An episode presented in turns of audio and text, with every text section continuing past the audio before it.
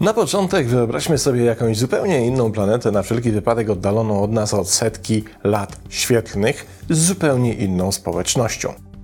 Obserwujemy tam cywilizację podzieloną na państwa o różnych systemach, różnych stylach zarządzania i różnych mentalnościach obywateli, ale jednocześnie taką, którą łączy jedna wspólna rzecz, a mianowicie stale powiększająca się przepaść ekonomiczna pomiędzy większością społeczeństwa a grupami uprzywilejowanymi. Stosując znane nam określenia, moglibyśmy powiedzieć, że ci pierwsi ciułają od pierwszego do pierwszego, są uwięzieni w pułapkach kredytowych, chorują i cierpią, bo nie stać ich ani na zdrowe odżywianie, ani też na służbę zdrowia na odpowiednio wysokim poziomie i tak dalej. Ci drudzy to ci, których stać na to wszystko, na co nie stać tych pierwszych. Wydają na przyjemności i zachcianki miesięcznie tyle, na ile ci pierwsi musieliby pracować przez dziesięciolecia. Znaleźć ich można wśród ludzi władzy, celebrytów, przestępców oraz ustosunkowanych biznesmenów czy innych landlordów. W każdym razie z roku na rok przepaść pomiędzy tymi dwiema grupami się powiększa, podczas gdy ci drudzy niepokoją się wyłącznie o to, czy są wystarczająco śliczni, cenieni i uwielbiani, a ci pierwsi niepokoją się o wszystko, ale głównie o możliwość przetrwania. Na tej odległej nam planecie mają też naukowców, m.in. takich, którzy zajmują się mechaniką społeczną oraz kondycją psychiczną obserwowaną w obu grupach. Przy czym główne zainteresowanie badawcze skupia się na grupie pierwszej, chociażby dlatego, że stanowi ona 99% mieszkańców planety. Dodajmy nie tylko tych, którzy cwaniaczą i uchylają się od pracy, ale również tych, którzy mimo podejmowanych wysiłków i starań wciąż muszą walczyć o przetrwanie czy o w miarę godne życie. Drugiej grupy nie ma co badać, bo i tak wszyscy wiedzą, z jaką szajbą tam mamy do czynienia. W pierwszej grupie zaś ustalono ponad wszelką wątpliwość, że głównym destrukcyjnym zjawiskiem niszczącym ich kondycję psychiczną jest specyficzny rodzaj stresu związanego z niskim statusem ekonomicznym. To stres przewlekły, który towarzyszy obywatelom z grupy pierwszej nieustannie przez całe ich życie i który jest ściśle związany z trzema konkretnymi przyczynami. Pierwszą z nich jest tak zwana dysfunkcja hałasu, czyli zjawisko, w którym ludzie mają znacznie okrojony dostęp do ciszy lub też w ogóle są takiego dostępu pozbawieni. Trochę to przypomina zjawisko znane u nas jako zanieczyszczenie światłem, w którym mamy znacznie okrojony dostęp do naturalnej potrzeby obcowania z widokiem rozgwieżdżonego nieba poprzez nasycenie światłem naszych miast, co powoduje uczucie dyskomfortu i brak możliwości korzystania z tej formy relaksu, wyciszenia i obcowania z emanacją czegoś większego od nas, co daje możliwość skorzystania z poczucia dystansu do siebie w świecie. Mniej więcej tego samego doświadcza zdecydowana większość mieszkańców odległej planety, tyle że w kontekście ciszy. Naukowcy ustalili, że to zanieczyszczenie ciszy czy też dysfunkcja hałasu ma swoje źródła w życiu w przetłoczonych środowiskach, w narażeniu na nieustanne dźwięki, od których nie da się uciec. To zarówno hałas z trwającej za oknami budowy, jak i hałas generowany przez pozostałych mieszkańców zatłoczonego mieszkania. Płaczące dzieci, zbyt głośną muzykę puszczaną przez sąsiada za ścianą w kuchni, czy awanturę innych sąsiadów dobywającą się za ściany dużego pokoju. Do tego hałas pochodzący z nadmiernego ruchu ulicznego, transportu miejskiego czy innego ryku środowiska. Ta dysfunkcja hałasu, jak dowiedziono badaniami, ma olbrzymi wpływ na permanentny stres i utrudnia sen oraz obniża jego jakość. Wpływa też na możliwości koncentracyjne i powoduje drażliwość i stałe uczucie wyczerpania. Drugą przyczyną, jak ustalili badacze, jest dysfunkcja domowa, wynikająca z braku odpowiednio komfortowego miejsca do życia, co z kolei wpływa na rozdrażnienie współdomowników, złe relacje rodzinne, częste konflikty i niesnaski. To sytuacja, od której nie da się uciec w ustronne miejsce, by na chwilę pozostać samemu ze sobą, bo nie ma takiego miejsca. Nie da się odizolować socjalnie, bo jest się skazanym na innych przez 24 godziny na dobę wraz z ich nawykami, lękami, stresem i problemami. To z kolei moglibyśmy dosyć drastycznie porównać do braku możliwości zaczerpnięcia świeżego powietrza i stałego skazania na korzystanie wyłącznie z powietrza z szatni na siłowni, kiedy właśnie opuściła ją grupa blokowych ciężkoatletów. Trzecia przyczyna została przez naukowców nazwana dysfunkcją ekonomiczną, czyli mówiąc inaczej, nieustającymi kłopotami finansowymi, ciągłą walką o takie zarządzanie budżetem, by na wszystko wystarczył, kiedy z matematycznego rachunku wynika, że nie jest to możliwe. Do tego dochodzą obawy przed niezapowiedzianymi wydatkami związanymi ze zdrowiem, awariami sprzętów domowych, czy też stres związany z wyborem, czy kupić lekarstwa, czy jedzenie.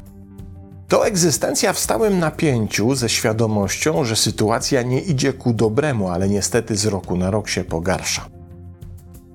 Trzy powyższe przyczyny, jak ustalili badacze, są fundamentem pierwszego N rozpoczynającego całą sekwencję przyczynowo-skutkową. Za tym zaś inicjałem skrywa się słowo niepokój, jednak nie ten, który pojawia się w systemie na skutek jakiegoś konkretnego bodźca, ale niepokój niejako przyklejony do życia, nieustający, stale towarzyszący osobom z pierwszej grupy w jej codziennych zmaganiach z rzeczywistością.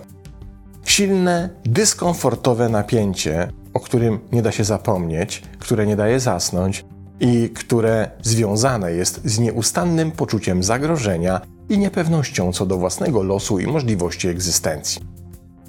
Ale litera N jedynie otwiera sekwencję, bo wystarczy niewielki katalizator, by pojawił się kolejny etap określany literą G, oznaczającą w tym wzorze gniew.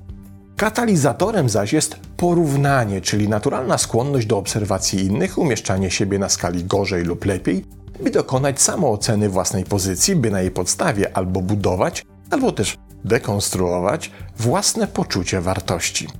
I jak łatwo się domyślić, wzorem porównawczego odniesienia dla grupy pierwszej jest grupa druga.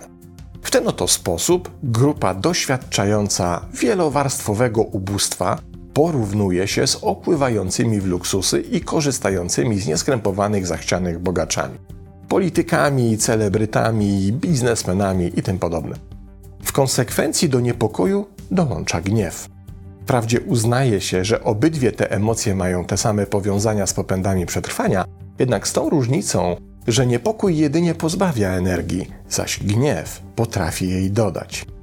Gniew magazynuje siłę, która w zamyśle ma zostać wykorzystana jako napęd zemsty skierowanej przeciwko tym, którzy są tego gniewu przyczyną. I kiedy pojawia się ta siła, co przypominam, póki co jest tematem badań naukowców z odległej galaktyki, sekwencja zostaje uzupełniona kolejną literą N, która tym razem oznacza słowo nienawiść. I to jest granica, poza którą wszelkie formy czy próby zapanowania nad reakcją tłumu przestają być skuteczne. O ile kiedy dana grupa znajduje się jeszcze na poziomie gniewu, możliwe są interwencje mające na celu uspokojenie sytuacji, o tyle kiedy pojawia się już końcowe N, nie ma już gdzie uciekać. Wydawałoby się, że głównym celem zemsty i kary jest w tym wypadku grupa druga, czyli mała garstka żyjąca ponad stan i chełpiąca się swoimi przywilejami. Jednak to tylko półprawdy, ponieważ tłum w szaleństwie zarządzanym przez nienawiść obraca się również sam przeciwko sobie. Wrogiem tłumu staje się również ten, kto posiada choć odrobinę więcej niż nic. Nikt nie jest bezpieczny, bo nienawiść działa jak ślepy oprawca szlachtujący wszystko, co stanie mu na drodze. W tym również towarzyszy broń. Następuje społeczny Armagedon, którego nie da się zatrzymać, dopóki nienawiść nie zostanie napełniona okrucieństwem zemsty, co może trwać przez całe dziesięciolecia. Ostatnimi zaś ofiarami tej rzezi stają się sami najgorliwsi liderzy myszczącego się jeszcze niedawno tłumu i dopiero kiedy oni zostaną wybici do ostatniego delikwenta, milkną odgłosy wojny i jak mówi klasyk, pole bitwy przysypuje pierwszy śnieg. I nikt nie wie, co przyniesie jutrzenka. No dobrze, Skoro znamy już sekwencję NGN, to zejdźmy na ziemię, z której tak naprawdę przez cały czas opowieści o meandrach mechaniki społecznej nie oddaliliśmy się nawet na centymetr. Sama zaś podróż na inną planetę miała jedynie na celu nabranie odpowiedniego dystansu i próbę zobaczenia tego mechanizmu bez emocjonalnego filtra. Skoro, na co mam nadzieję, to się udało, spróbujmy sobie odpowiedzieć na pytanie, w którym miejscu tej sekwencji obecnie się znajdujemy. Jednak nie tylko w naszym ogródku, ale na poziomie globalnym. Czy to dopiero zalążki pierwszego N, czy już może pojawiło się G, a może jesteśmy jeszcze dalej? Warto pamiętać słowa doktora Stosnego, wykładowcy Uniwersytetu Maryland i autora wielu psychologicznych bestsellerów, który wskazuje, że w przeciwieństwie do gniewu, nienawiść opiera się możliwości regulacji emocji. A gdy gniew przejdzie granicę, za którą zaczyna się nienawiść, wyjątkowo trudno ją zawrócić, ponieważ usprawiedliwia również krzywdy wyrządzone podczas trwania jej samej.